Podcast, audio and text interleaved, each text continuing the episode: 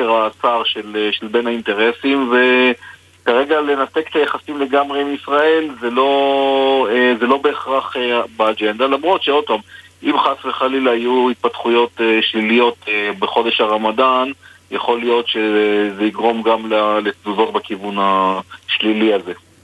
דוקטור נחום שילום ממרכז משה דיין באוניברסיטת תל אביב, תודה רבה לך על השיחה הזאת, שלום לך. ואנחנו יוצאים, ערב טוב, אנחנו יוצאים להודעות תחנה, ותכף ממשיכים עם רצועת הביטחון, תישארו איתנו. בחסות אנשור פלוס אדוונס, המסייע לשמירה על הכוח וההגנה הטבעית. אנשור פלוס אדוונס, שאלו את הרופא או את הדייתן.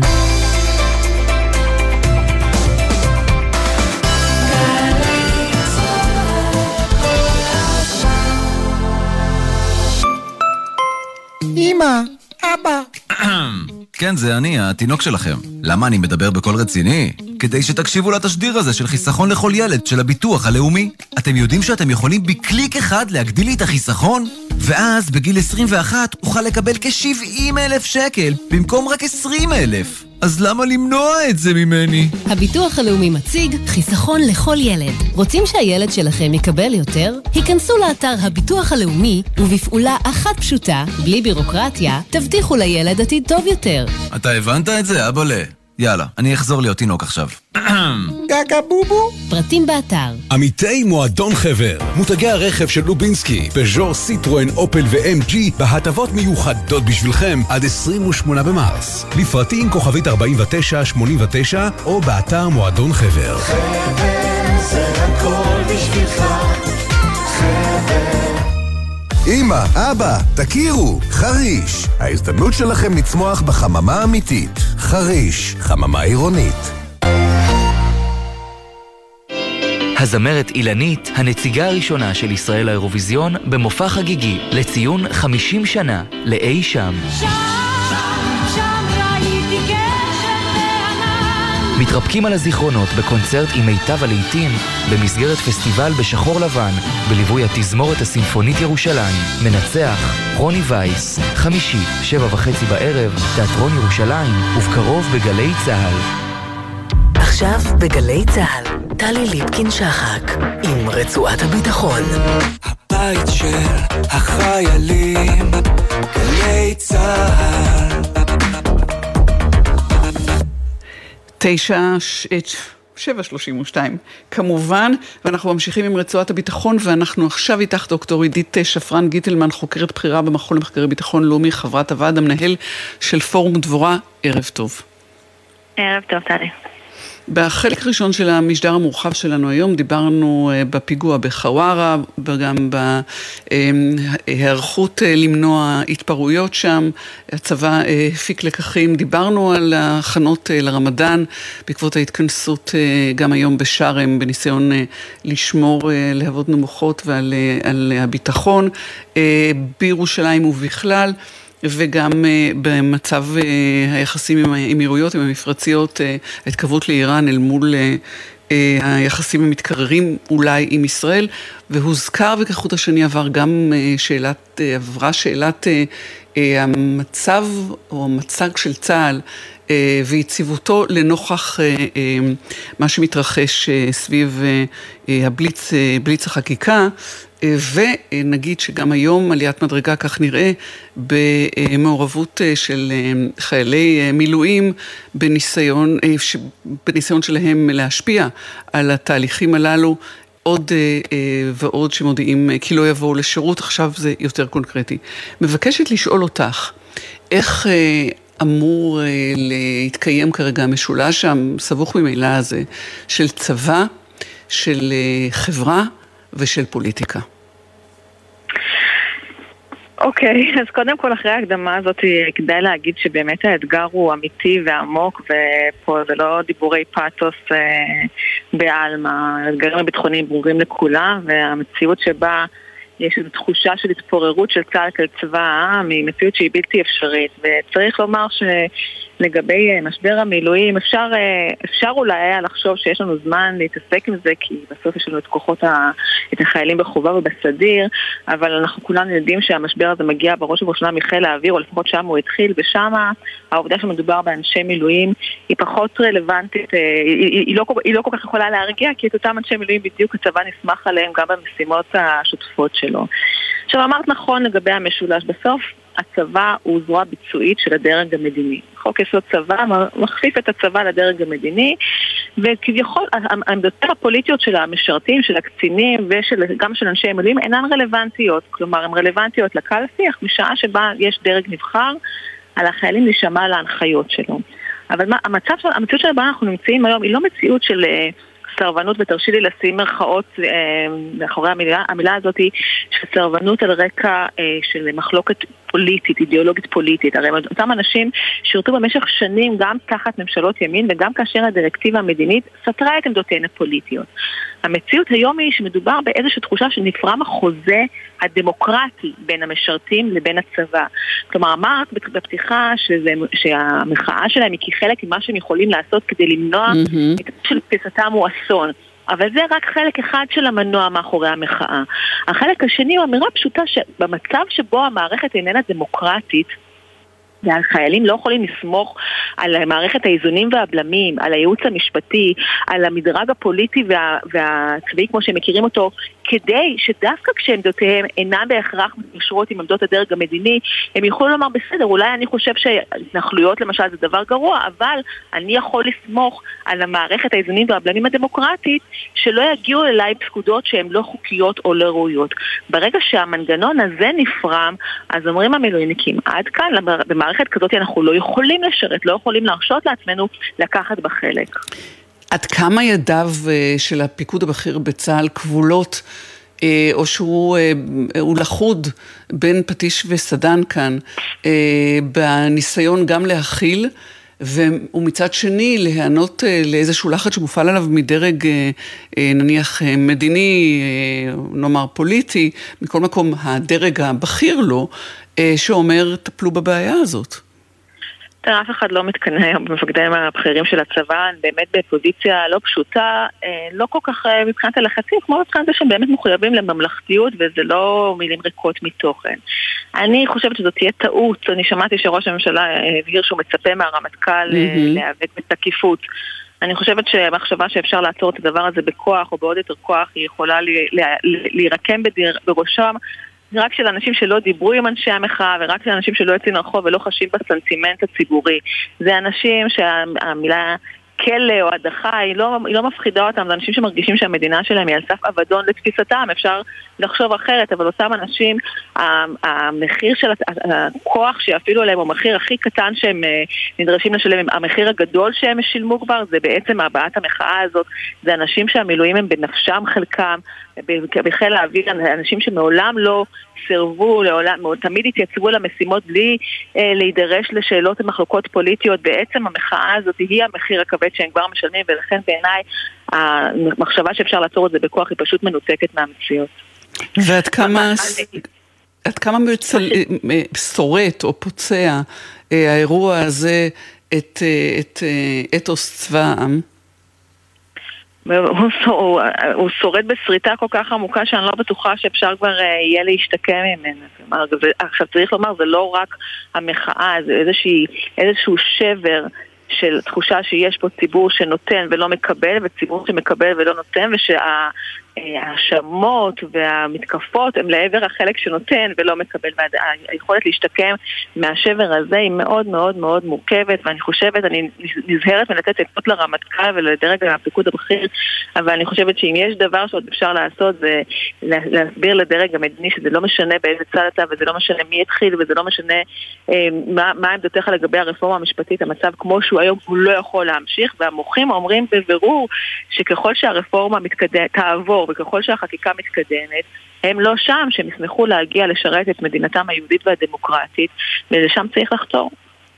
לפני שניפרד, אה, אה, דוקטור אה, עידית שפרן גיטלמן, באחד, בכלי התקשורת מתפרסמת ידיעה, ולפי הפרקליטה הצבאית הראשית, מאפשרת או מבהירה שאין מניעה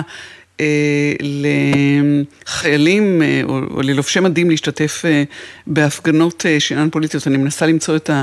כן. את המינוח כן. המדויק, כן. לזה פרסום, הפרקליט הצבאי הראשי, זה לא זו פרקליטה, קובע, קובעת, למעשה כי ההפגנות נגד ההפיכה המשפטית אינן פוליטיות ולכן מותר לחיילים וקצינים עד דרגת צה"ל להשתתף בהן, התנאי ללא מדים תוך התרחקות ממוקדי חיכוך. עכשיו, זה נכון, אלא שאין בזה קול חדש, משום שאלה הן הנחיות הצבא, כפי שגם אה, דורון קדוש כתבנו אה, אה, מביא מטעם צה"ל ממש ברגעים אלה, וכן חשוב לראות שהצבא מגיב. פקודות צה"ל אוסרות השתתפות משרתים מדרגת סגן אלוף ומעלה במחאות והפגנות מכל סוג.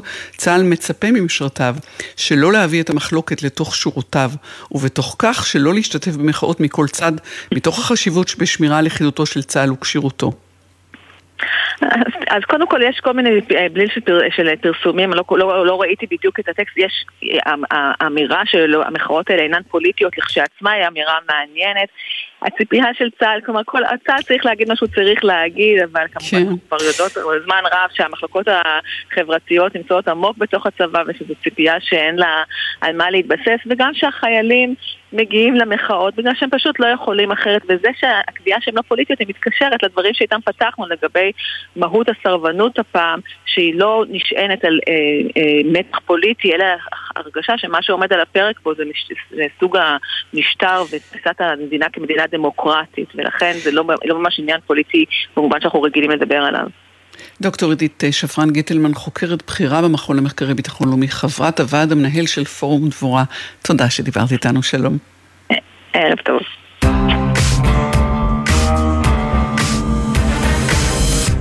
ושלום לך, פרופסור יובל שני, מומחה למשפט בינלאומי באוניברסיטה העברית בירושלים. ערב טוב לך. ערב טוב, טלי. אנחנו מדלגים אה, מהנעשה בעירנו, כפי שאומרים, אל העולם הרחב ואל אה, צו המעצר שהוציא בית הדין הבינלאומי הפלילי בהאג אה, נגד נשיא רוסיה ולדימיר פוטין, שליט רוסיה יש לומר.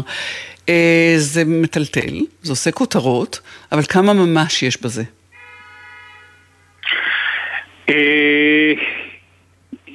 שאלה טובה, זאת אומרת, צריך, דבר ראשון צריך להגיד שצו המעצר הוצא כנגד אה, פוטין ונגד אה, אה, בחירה נוספת ברוסיה, נציבת אה, זכויות הילדים הרוסית, אה, מריה לבובה בלובה.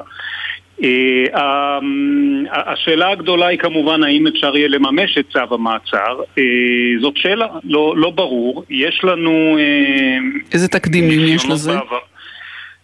זה לא פעם ראשונה שבית הדין מוציא צווי מעצר כנגד ראשי מדינה. מכהנים? הוא צווי מעצר נגד... סליחה? מכהנים? כן. מכהנים, כן. נגד קדאפי בלוב.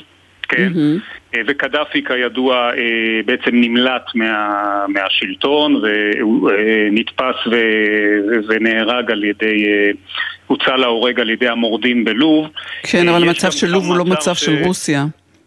נכון, ויש גם צו מעצר שהוצא כנגד נשיא סודאן, בשיר, אה, ובשיר עדיין אה, לא הוסגר אה, לבית הדין, אבל הוא יושב בכלא בסודאן ויש מגעים שנועדים להסדיר אותו. מה שמשותף, גם יש מקרה מוקדם יותר של צ'ארלס טיילור ומילוסביץ', כך שיש מקרים בעבר שראשי מדינה מכהנים היו כפופים לצווי מעצר. בדרך כלל מה שקרה במקרים האלה, צו המעצר אולי נתן רוח גבית להפיכה שלטונית או לעיבול, לשינוי משטר באותן מדינות, ואחרי שהשלטון באותן מדינות התחלף, אה, אז אה, אותם אנשים אה, הוסגרו. אין לנו בעצם תקדים רציני למקרה שבו ראש מדינה מכהן בעצם נעצר בעודו מכהן והוסגר. אבל uh, צריך להגיד שהיכולת של פוטין היום להסתובב בעולם mm-hmm, קטנה mm-hmm. בצורה משמעותית. אני לא יודע כן, כמה זה מצר את צעדיו? ודאי, כי מדינות, 123 המדינות שחברות בחוקת רומא, שזה רוב מדינות העולם, אה, רוב מדינות אירופה, אה, ביניהן, הן חייבות לכאורה, אם הוא יתייצב בשטחן, הן חייבות כנראה לעצור אותו ולהסגיר אותו לבית הדין. כך שהיכולת שלו היום לנחות בפריז או בלונדון היא, היא מאוד מאוד קטנה. לישראל אגב הוא יכול להגיע, כי ישראל לא מדינה חברה. אה, נחה דעתנו. אגב, אה, כשאנחנו מדברים על, אה, על היכולת יכולת התנועה שלו והמדינות שמחויבות לזה, צריך לשים לב לארצות הברית שהיא לא מיודדת עם בית הדין הפלילי בהאג. נדמה לי שהם רדפו את בנסודה, את הנשיאה הקודמת של, של בית הדין. התובעת, כן, כן. התובעת, כן. נכון. כן. ובארצות כן, הברית, במובן הזה, היא לא משתפת פעולה, והנה פה אה, קפצה לעגלה, נגיד ככה, או נתנה לזה רוח גבית. כן, צריך להגיד, בטח, בטח תחת ממשל טראמפ אה, אה, הברית הייתה מאוד עוינת את בית הדין.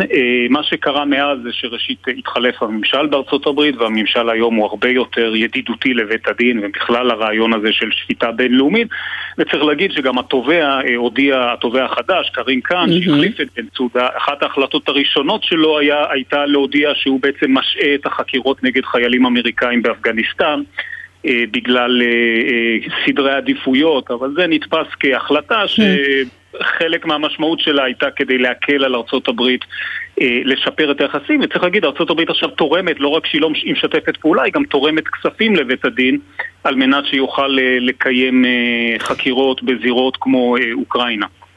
עד, עד כמה המהלך הזה, גם אם הוא לא יוכל להתממש, אה, ישפיע על, אה, על המשך אה, ביצוע פשעי מלחמה במלחמה באוקראינה? כן, אני חושב שעיקר ה... החשיבות של המהלך היא, היא בעצם לסמן אה, את הטריטוריה של בית הדין. זאת אומרת, זו אמירה של התובע, שהתובע אה, מטפל בעניין. אה, הוא לא, התיקים לא יחכו שנים על גבי שנים. זאת אומרת, זה די נדיר ששנה אה, מפרוץ הסכסוך יש לנו כבר אה, צווי מעצר. הוא גם התמקד בנושא מאוד ספציפי, בנושא של, של העברת ילדים משטח אוקראינה לשטח רוסיה, שזה גם דבר שמראה נכונות לא לטפל בכל מכלול העניינים, אלא גם בפשעים מאוד ספציפיים ברגע שמצטברות ראיות. אה, בית הדין מתכוון לנוע, ולדבר הזה הוא מייצר אה, סוג של הרתעה כלפי אה, ראשי הממשל ברוסיה. צריך לזכור, לפוטין יש חסינות, אבל לרוב, לרוב המפקדים והבכירים ברוסיה אין חסינות. ואני חושב שהדבר הזה הוא חלק מהשיקולים שהם ישקלו מעתה ואילך. האם זה, זה Game Changer? כנראה שזה לא Game Changer, אבל זה ודאי אה, דוחק את פוטין ואת המשטר שלו יותר ויותר לפינה ו- ומייצר דה-לגיטימציה מאוד משמעותית אה, כלפיהם. פרופסור יובל אה, שני, משפטן, מומחה למשפט בינלאומי באוניברסיטה העברית אה, בירושלים, תודה שדיברת איתנו, שלום. תודה רבה.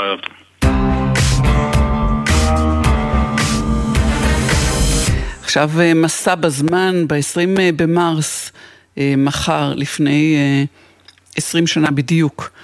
אה, פלשו חילות הקואליציה של אה, אה, מדינות בראשות ארצות הברית בהנהגתו של ג'ורג' בוש וראש ממשלת בריטניה טוני בלר לעיראק, במה שנקרא מבצע חופש.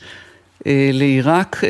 יש להזכיר שהמבצע הזה התבסס על נתונים שגויים שלא נאמר שקריים בחלקם. 20 שנה חלפו מאז.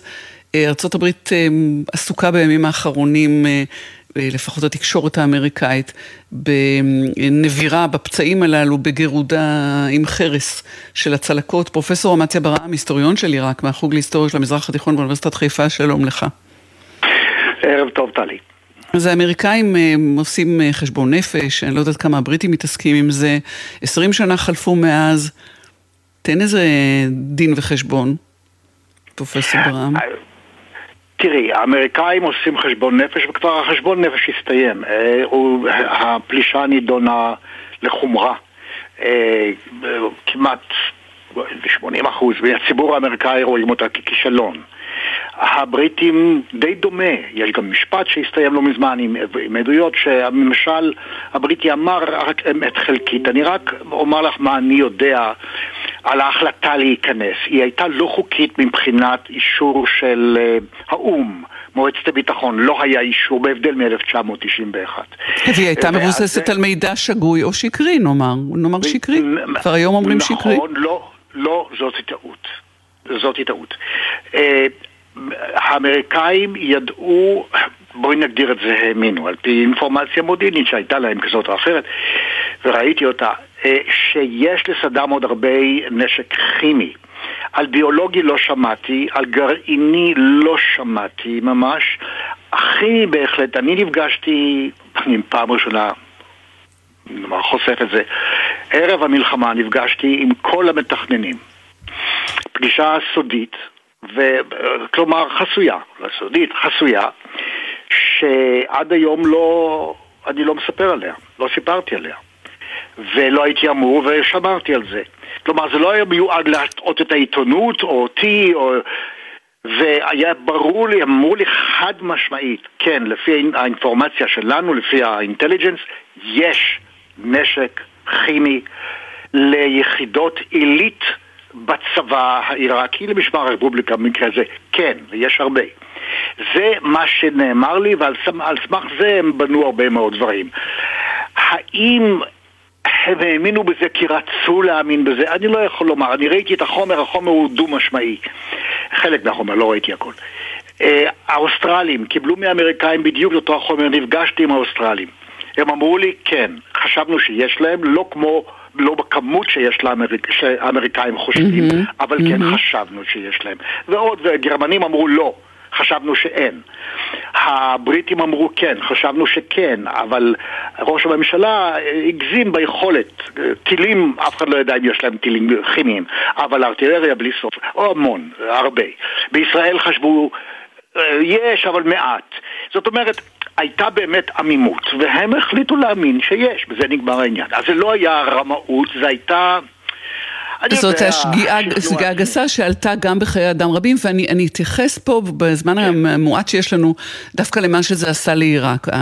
הנזקים שהנוכחות הזאת עשתה לעיראק. הרווחים, אבל בצידם נזקים וגם נזקים כבדים. בין היתר ראיתי אפילו אה, איזה... אזור בעיראק שבו יש מח... אה, ילדים ו... ואנשים לקו במחלות קשות כתוצאה משריפה מוגברת אה, של... אה, בצד של מחנות צבא, של, של אשפה או, או, או מצבורים, כן, בעיקר של אשפה, אם, אם אני זוכרת נכון, שפשוט בלי להתחשב בכלל באוכלוסייה שגרה שם, שחיה שם. זה עשה הצבא העיראקי, זה לא עשו האמריקאים. לא, אבל האמריקאים היו אחראים. אני לא מכיר את המקרים שלטו. האלה. אני לא מכיר את המקרים האלה, אני יודע לגבי הרבה חיילים אמריקאים ש... שהורעלו. הם הורעלו מהתפוצצות של כל מיני מחסני תחמושת שהיה בהם נשק כימי עיראקי, ישן, כבר לא שווה, אבל יכול להיות נזק עצום. אני יותר, אני לא יודע כל כך למקרה שאת מספרת, לא, לא ראיתי, אבל... לא משנה, אבל יש הרבה, אני רואה הרבה, הרבה התייחסות לזה שנעשו אה, אה, נזקים גדולים אה, נכון, מהפלישה הזאת לעיראק. חד משמעית, אין בכלל כל ספק בזה, זה ודאי. תראי, נהרגו עשרות אלפי עיראקים, בעיקר מלחמת האזרחים שהייתה שם והתנגשויות פנימיות. המון, נהרגו חמשת אלפים חיילים אמריקאים. האמריקאים שם הוציאו טריליון דולר, אלף מיליארד דולר, זה, זה קרוב לזה. זה, זה חיי אדם בראש ובראשונה, עיראקים, אחר כך אמריקאים, ונזק כספי עצום ונזק כלכלי לעיראק עצמה. אז השאלה שאנחנו צריכים, אולי היום אין לי הרבה נחמה, זה, זה קשה לנחם על דבר כזה נורא, אבל לדעתי. כלומר, אבן הבוחן הבאמת הקריטית ביותר היום, 20 שנה עברו, עיראק במצב רע מאוד, אבל זה כבר לא בגלל האמריקאים. אה, בגלל העיראקים בעיקר, אבל עיראק מצב רע מאוד, ולכן השאלה שאני מנסה למצוא לה איזושהי תשובה, ואין משאלי דעת קהל אה, רציניים, מקצועיים שנעשו בעניין הזה, האם אתה היית רוצה, אילו יכולת לחזור עשרים שנה אחורה ולהישאר תחת סדאם, היית רוצה בזה, בלי המלחמה, בלי הפלישה, היית רוצה בזה או לא? זו השאלה הקריטית. מה שאני מצאתי, טלי, כל מה שאני יכול להגיד לך זה התרשמות מהמון שיחות, זה שאם אתה שיעי, אז שמונה מכל עשרה שיעים יגידו תודה רבה לא. רע מאוד היום, אבל אנחנו מעדיפים את היום. תשאלי את הכורדים, הייתי אומר תשעה מכל עשרה כורדים, יגידו לך תודה רבה, בשום אופן לא. ותשאלי את הסונים, תשעה מכל עשרה או שמונה מכל עשרה סונים יגידו לך כן, אנו מוכנים, מוכנים היום לחזור ללפני עשרים שנה עם סדאם. אז השאלה היא איזה עיראק אז... אתה שואל? אז הנה אנחנו בכך מסיימים. פרופסור אמציה ברם, היסטוריון של עיראק מהחוג להיסטוריה של המזרח התיכון אוניברסיטת חיפה, תודה שדיברת איתנו, שלום לך. את המשדר הזה הפיקה המפיקה הראשית תמנה צורי, נועה נווה ואליעזר ינקלוביץ' הפיקו את המשדר, גלעד בלומי הטכנאי השידור, אילן גבישר.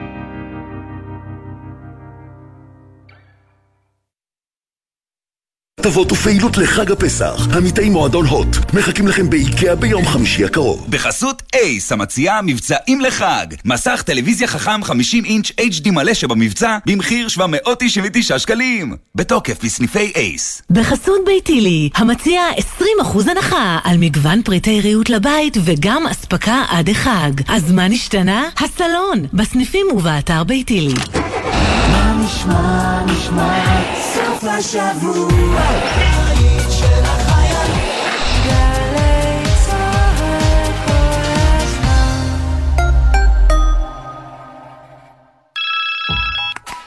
שלום, מדבר יוחאי כביכול.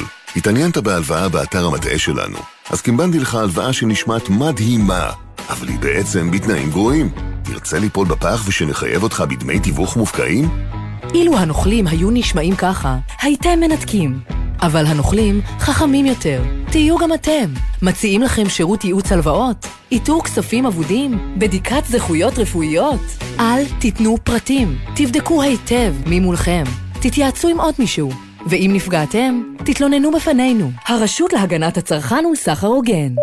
מנויים יקרים, נא להדק חגורות, אנחנו כבר נוחתים בחופשה החלומית שלכם. בכל חודש, 100 מנויי פיס זוכים בחופשות זוגיות מיוחדות בניו יורק ובברצלונה. עדיין אין לכם מינוי? למה אתם מחכים? להצטרפות חייגו כוכבית 3990 או בנקודות המכירה. המכירה אסורה למי שטרם מלאו לו 18. אזהרה, הימורים עלולים להיות ממכרים, הזכייה תלויה במזל בלבד. כפוף לתקנון, זכיות חייבות במס. תגידו, כדאי להיות מורה? מי מתאים להיות מורה? מה הקשר בין ספורט לחינוך? למה לבחור בלווינסקי וינגייט? בואו נפתח הכל.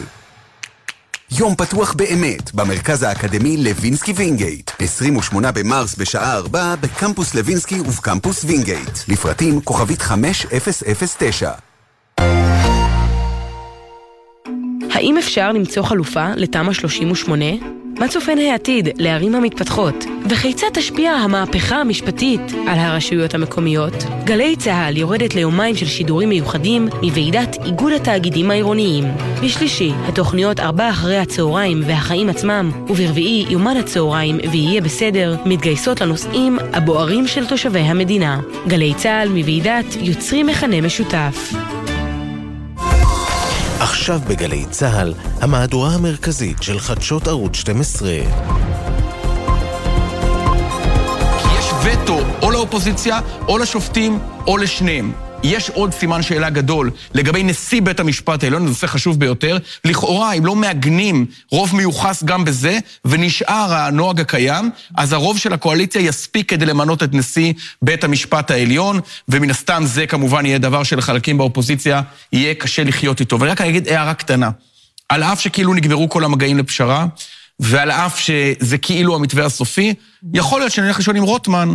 ונקום ממשהו אחר. אגב, סליחה על השאלה הפרנואידית, מי מבטיח שאחרי שני המינויים האלה של השופטים, וכנראה גם אה, נשיא העליון, לא ישנו עוד פעם את חוק יסוד השפיטה אחרי הדבר הזה? באיזה מובן? מבחינת לשנות את זה, או שזו ההסכמה? נדמה לי שדבר אחד ברור, אגב, מ-11 השבועות האחרונים, גם של המחאה, גם של הכלכלנים וגם של החקיקה, זה שלקואליציה הזאת, על אף שהיא ימין על מלא, תפורה מבד אחד, אין כוחות פוליטיים להתניע שוב את המהלך הזה. נדמה לי שזה יושב לכולם בראש. תודה רבה, עמית. ודפנה ליאל, אה, נתחבר אלייך, נדבר גם על הצד השני, אם גם בעיני הצד השני, הוויתור הזה של הקואליציה משמעותי.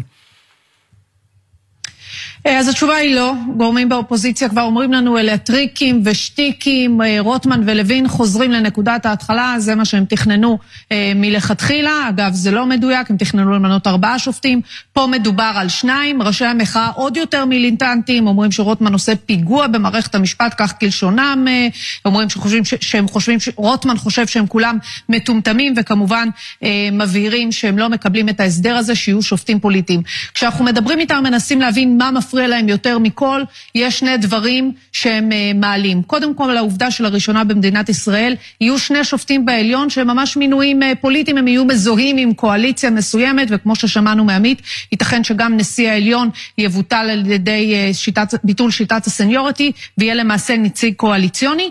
והשאלה הגדולה היא, האם באמת זו רק נקודת ההתחלה או נקודת הסיום. למיטב ידיעתי, כבר במושב הזה התקדמו גם חוק הנבצרות, חוק דרעי, חוק המתנות, כל אלה ממשיכים להתקדם במושב הזה, ואני מזכירה לך שבמושב הבא יש עוד שורה ארוכה של יוזמות חקיקה, עילת הסבירות, התנאים לביטול חוק